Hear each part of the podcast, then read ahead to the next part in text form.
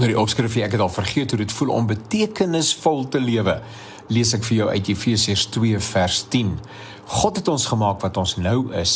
In Christus het hy ons geskep om ons lewens te wy aan die goeie dade waarvoor hy ons bestem het. Daar moet meer wees is die versigtiging van baie mense. Die roesemoes van elke dag se bestaan en die worsteling wat daarmee gepaard gaan, laat 'n mens afgestomp en onbevredig. Dit voel of jy werk, maar jy kan niks wys nie. Die lewe en die eise wat dit stel is soos 'n bodemlose put.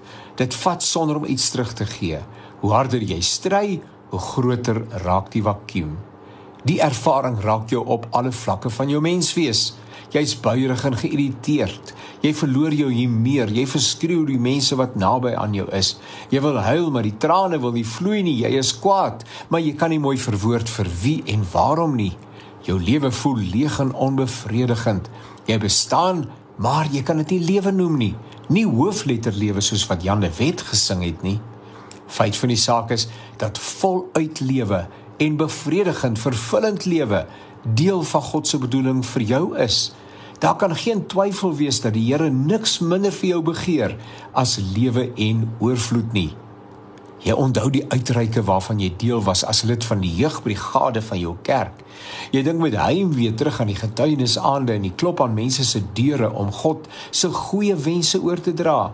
Jy hoor die haleluja's weer klink by Pinksterdienste destyds in die samewerk om die kerkbesaar te laat vlot. Jy ry die medisyne as jy saam met medegelowiges die bejaardes besoek en versorg het, die sing in die gange van die hospitale ten einde dit weer te kan beleef, sal jy die vier mure rondom jou bestaan weer moet afbreek sodat jy die res van die wêreld kan raak sien.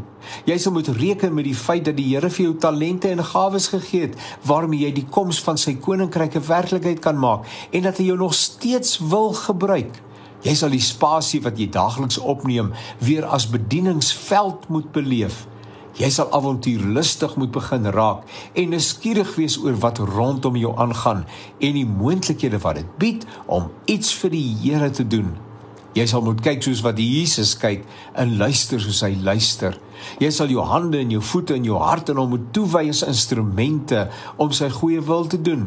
Jy sal die Gees moet vra om jou te bemagtig om invloed uit te oefen, sout en lig te wees en die adres te word waarheen mense met nood kom soos met al die ander komponente van die geloofslewe, is daar nie sprake van voorskriftelikheid nie. Al wat jy hoef te doen is om met 'n soekende hart na die Here te kom en gewilligheid om sy wil te doen. Jy sê, ek het al vergeet hoe dit voel om betekenisvol te lewe. Neem my lewe, laat dit Heer, u gewy wees meer en meer. Neem my hande en maak al sterk diensbaar om vir u te werk. Neem my goud en silwer, Heer, niks noem ek my eie meer. Maak my hart vir u tot troon deur u gees wat in my woon